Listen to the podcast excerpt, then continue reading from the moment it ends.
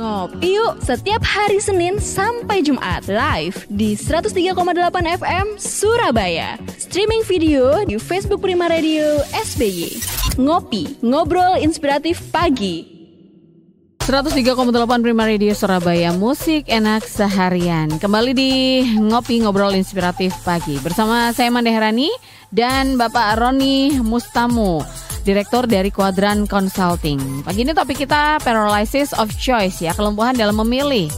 Ini dalam lingkup bisnis dan marketing pastinya. Uh, ini sudah ada yang bergabung Pak Roni. Saya langsung bacakan ya dari uh, sebentar. Hmm. Dari Mas Reno di Surabaya. Kalau ngomong top of mind awareness, kan banyak tempat-tempat makanan dengan nama yang ekstrim atau lucu. Apakah itu bisa berpengaruh bagi pasar untuk lebih mudah mengingat? Lebih bagus mana nama yang ekstrim atau nama yang lucu dan unik? Ya, ini mungkin banyak uh, terkait nama-nama misalnya makanan gitu ya Pak ya atau kopi-kopian sekarang yang uh, banyak memakai nama-nama yang unik gitu. Apakah itu bisa berpengaruh terhadap awareness atau masyarakat consumer untuk mengingat dan lebih bagus mana nama yang ekstrim gitu misalnya uh, apa ya yang banyak tuh misalnya mimian yang mercon atau apa gitu kan mungkin uh, sedangkan kalau mungkin brand-brand minuman itu uh, banyak ya yang unik dan mudah diingat gitu bagaimana pak? Ya terima kasih kalau nama saya diganti Donald Trump gitu kan mm-hmm. tidak akan mengubah diri saya ya. Mm-hmm. ya. Atau kalau nama saya dari Roni Mustamu saya ganti Joko Widodo juga tidak akan mengubah kualitas diri saya. Jadi eh, nama itu sesuatu yang sangat penting, memang memudahkan untuk diingat, mm-hmm. untuk diidentifikasi, mm-hmm. tetapi yang namanya persepsi atas nama tadi itu muncul akibat pengalaman atau experience mm -hmm. terhadap produk yang tadi saya sebut atribut tadi mm -hmm. dari sisi fungsinya oh ternyata ini sesuai nih saya pergi ke tempat makanan ini atau tempat potong rambut ini gitu mm -hmm. sesuai nih gitu kan kualitasnya juga oke okay, harganya keren dan uh, dia munculnya tepat gitu pas pada saat kita butuhkan itu ada tapi ada satu prinsip sebetulnya kalau kita mau membuat nama. Ada yang disebut sebagai sound bite. Itu kayak radio gitu kan jinglenya itu kan sound bite mm -mm. gitu ya. Nah, sound bite itu artinya apa? Menggigit banget. Apa syaratnya menggigit? Nomor satu, mudah dilafalkan. Mm. Prima radio, mudah mm banget dilafalkan. Mm -mm. Saya rasa orang Indonesia tidak ada satupun yang kesulitan untuk mengucapkan prima radio. Mm -mm. Kedua, enak didengar. Mm -mm. Ketiga, mudah diingat. Mm. Kalau namanya rumit banget kan susah mm -mm, saya mengingatnya, gitu kan? Mm -mm. Prima radio mudah diingat, gitu. Dan tidak bias makna. Mm. Prima kan tidak bias makna, yeah. gitu ya. Jelas sekali. Nah, yang seperti ini akan menjadi sangat baik. Itu akan menyebabkan yang disebut sound bite menggigit dan jadi orang akan selalu nempel mudah diingat. Nah, apalagi kalau itu ditunjang dengan makin seringnya hmm. disuarakan. Nah, hmm. karena itu terus ada orang yang galau. Ketika galau dia pakai ekstrim. Hmm. Gitu kan? Nah, ekstrim ketika dia sendirian. Saya sebut lah ya, rawon setan. Dia hmm. sendirian. Hmm. Hmm atau kalau ke Aceh itu ada yang namanya ayam tangkap. Dia sendirian. Tapi jangan lupa setelah ayam tangkap ada yang namanya ala, ayam lari, ayam kejar, ayam jadi akhirnya orang nggak tahu juga nih mana yang benar nih, gitu kan? Nah ini kan ada tadi rawon setan, kalau tiba-tiba di sebelahnya muncul rawon gundul, rawon demit, rawon tuyul, itu akan menjadi rumit. Nah karena itu kita harus masuk ke psikologinya calon pasar kita gitu kan. Nah tentu ada hal-hal yang harus kita uh, persiapkan dengan baik dengan cara mempelajari siapa mereka. Hmm. Ekstrim boleh-boleh saja karena ekstrim kiri, ekstrim kanan itu kan paling mudah diingat sebetulnya hmm. ya.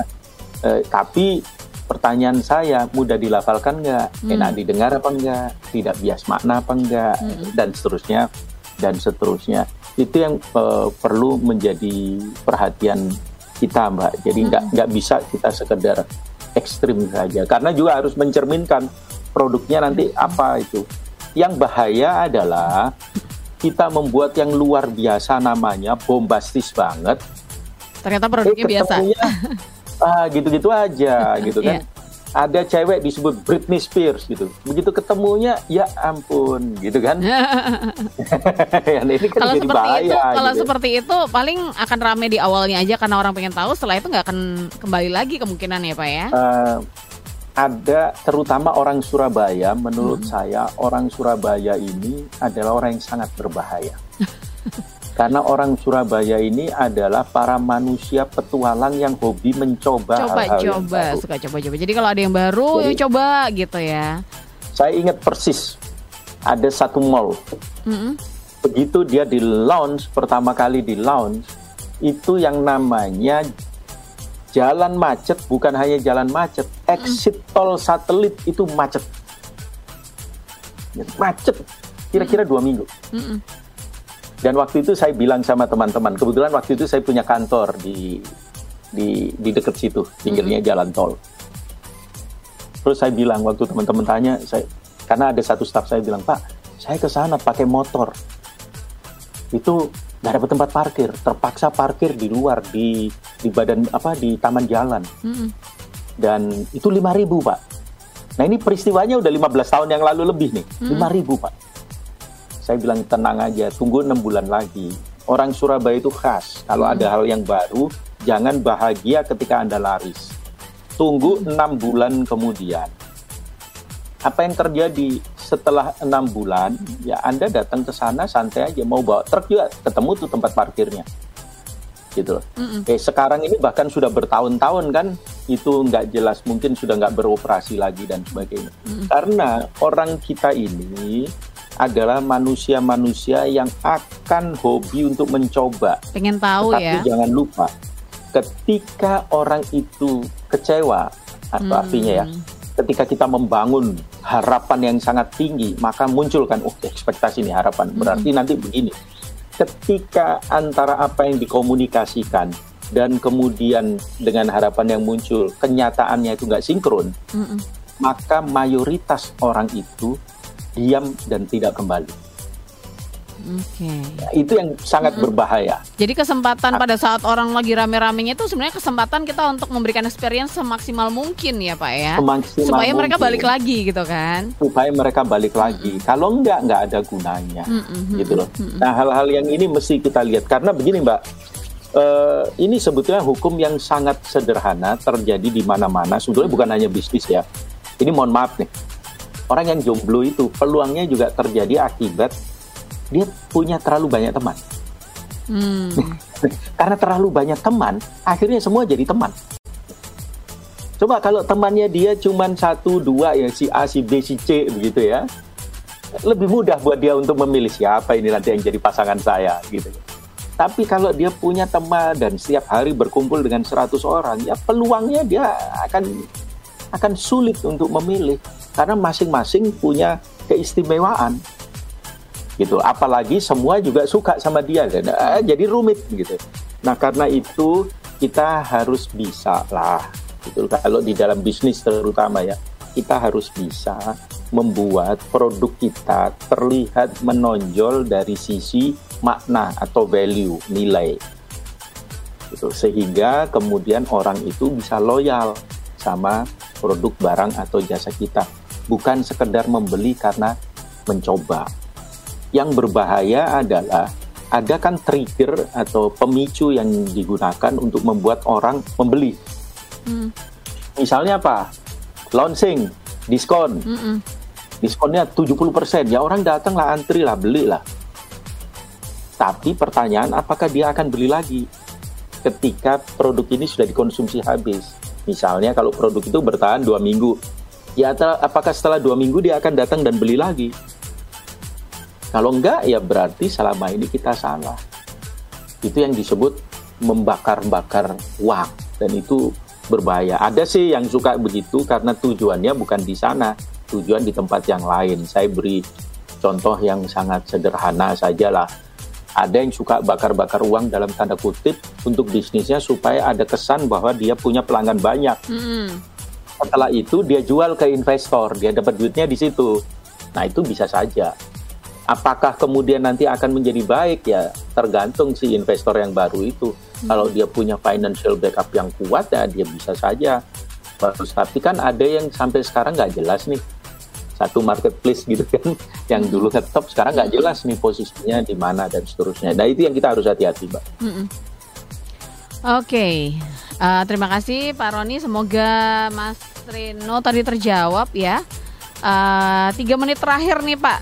Uh, sebelum kita tutup, mungkin ada tips-tips atau pesan-pesan nih untuk para pelaku bisnis terkait ya. uh, pilihan supaya tidak menjadi kelumpuhan untuk memilih bagi uh, pasarnya?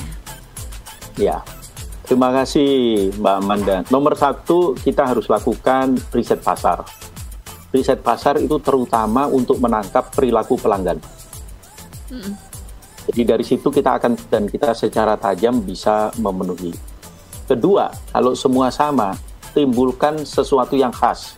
Kita sebut market niche gitu kan ada satu iya, ceruk niche. pasar tertentu gitu karena itu kan ada produk yang sengaja dijual hanya melalui arisan satu, iya. salah satu contoh kita nggak akan ketemu di outlet mana-mana dia memang membangun ceruk ini dijual di antara peserta arisan hmm. ada yang dijual di antara ibu-ibu PKK ada yang pemasarannya khusus hanya ke komunitas misalnya yang suka jalan sehat, suka hmm. go west dan seterusnya. Jadi kita buat market niche, jadi ceruk pasar tertentu dan kita layani dengan sangat baik. Harga tidak harus ekstrim paling rendah, tetapi yang rasional. Jadi sebetulnya tidak semua orang kok mencari harga yang paling rendah. Ujung akhirnya dia juga akan berpikir ini kegunaannya untuk apa. Kalau jangkanya memang pendek, ada yang namanya disposable product ya nggak apa-apa sih dia akan ambil harga yang terendah. Jangan lupa ada orang-orang tertentu di ceruk pasar tertentu yang memang sangat uh, spesifik. Misalnya kalau untuk acara pernikahan, wedding gitu kan, itu kan ada kelompok pasar tertentu yang maunya dia bunga itu harus bunga segar. Dan bunga itu harus impor yang mahal. Karena bagi dia, keluarga-keluarga jenis ini, kemahalan itu adalah harga diri mereka. Kemewahan adalah harga diri mereka yang harus mereka tampilkan pada momentum terpenting, yaitu pernikahan anaknya. Itu mesti uh, kita lihat tadi, saya menyampaikan Mbak, ada yang namanya relasi dengan pelanggan. Nah, layanan pelanggan ini harus kita buka. Jangan sampai seperti sekarang, diberikan yang namanya layanan pelanggan langsung, tapi kalau dikontak nggak bisa kalau di email nggak dijawab-jawab nah itu kan sering. sering yang paling rumit dan saya paling benci sebetulnya hmm. adalah kalau saya telepon terus yang jawab komputer terus hmm. disuruh menunggu yeah. Terus kemudian setelah menunggu lama mohon maaf seluruh petugas kami sedang uh, melayani pelanggan saya sebenarnya nggak tahu apakah betul dia punya 100 petugas atau cuma dua orang. Iya. Tapi saya dalam menunggu lama itu, saya kan keluar pulsa, Mm -mm. Saya kan bayar. Nah, itu kan yang harus dipahami. Jadi agak males juga mm -mm. itu salah satu contoh. Maka layanan pelanggan harus layanan yang benar. Dan mm. yang terakhir yang tadi saya sebut, hadir itu jangan hanya sekedar berbeda, tapi mm. ada makna. Mm. Nah, makna itu nilai. Nilai itu mulai dari yang sederhana ya, namanya atribut produk barang atau jasa. Secara fungsi bisa ditingkatkan nggak? Secara kualitas bisa ditingkatkan nggak? Secara harga bisa dibuat lebih rasional nggak? Artinya semakin murah bukan bukan murahan ya, gitu loh, bukan murahan, tetapi memang rasional dan kemudian secara timing itu bisa diatur nggak keluarnya tepat waktu. Saya beri satu contoh, saya nggak mau nyebut produknya karena ada di pasaran. Sekian waktu ya, sekian tahun lalu lah ya, itu ada produk internasional yang tidak laku, kosmetik, nggak laku. Maka ditarik kembali semua produk ini dari pasaran. Ditarik semua dari pasaran. Karena mereka melakukan survei. Dari hasil survei itu menyebabkan semua produk ditarik di pasaran, kemudian dikemas ulang hmm. dengan, dengan kemasan yang yang glowing begitulah, hmm. yang keren, hmm. hmm. gitu kan. Kemudian dijual dengan harga premium dan hanya bisa dibeli di outlet tertentu. Hmm persepsi pasar kemudian, uh, ini produk keren, kacang goreng laku keras luar biasa. Padahal kemudian ya dalam dalam diskusi yang kita sebut studi kasus hmm. itu eh, direksi ya para eh, pimpinan perusahaan kemudian memang mengakui bahwa mereka sebenarnya tidak mengubah formula apa pun dalam hmm. kosmetik ini. Mereka hanya mengubah kemasan hmm. di brand terus dengan cara uh, penjualannya yang spesifik. Mm -mm. Nah itu bisa dilakukan, mbak. Yang tadi saya sebut memberi value tadi itu. Jadi dari atributnya saja. Nah apalagi kalau nanti relasinya, komunikasinya dibuat baik dan kemudian brandingnya dibuat pas dengan semua kampanye publiknya yang kita sebut sebagai marketing campaign, maka biasanya akan menghasilkan penjualan yang luar biasa, mbak. Mm. Oke, terima kasih banyak Pak Roni. Semoga catatan terakhirnya tadi uh, bermanfaat ya untuk banyak orang ini. Bagi Anda sahabat Prima dan semua yang bersama kami saat ini kalau terlambat menyaksikan atau mengikuti uh, ngopi pagi ini bisa Anda tonton ulang di YouTube channel Prima Radio Surabaya. Baik, terima kasih sekali lagi Pak Roni.